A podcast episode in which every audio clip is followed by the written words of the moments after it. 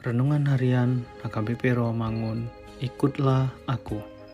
Rabu, 15 September 2021. Dengan judul Hidup yang senantiasa diperbarui Tuhan.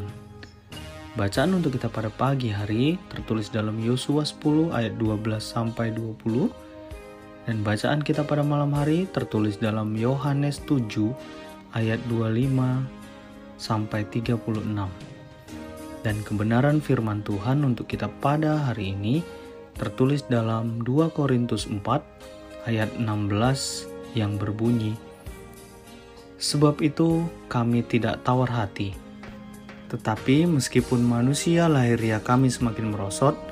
Namun manusia batinia kami dibaharui dari sehari ke sehari.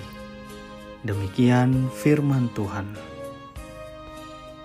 pergumulan atau persoalan hidup yang berkepanjangan, dan juga proses hidup menjadi tua dan lemah dapat membawa kita kepada sikap tawar hati.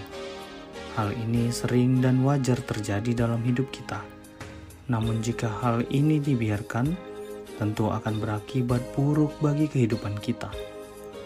Apakah bagi kesehatan jasmani maupun rohani, bagi diri kita atau orang di sekitar kita? Kondisi tawar hati dapat mengganggu segala lini aktivitas kita, sehingga pekerjaan yang dikerjakan tidak sungguh-sungguh dan juga muncul keputusasaan. Orang yang tawar hati akan kehilangan kegairahan dalam hidupnya, di mana pandangannya selalu menjadi negatif terhadap diri sendiri dan juga kepada orang lain, dan bahkan kepada Tuhan. Dia cenderung menutup diri dan tidak mau peduli dengan lingkungannya juga terhadap keluarganya.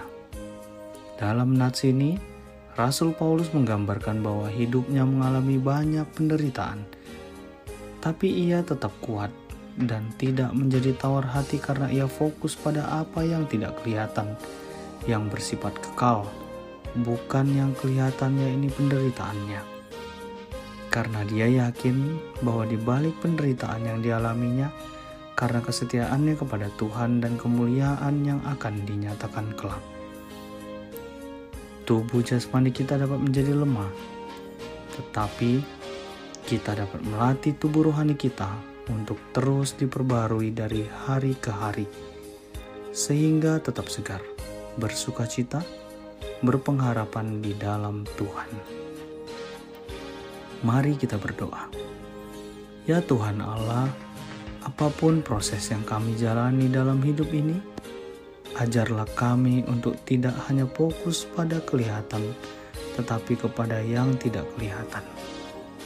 Amin.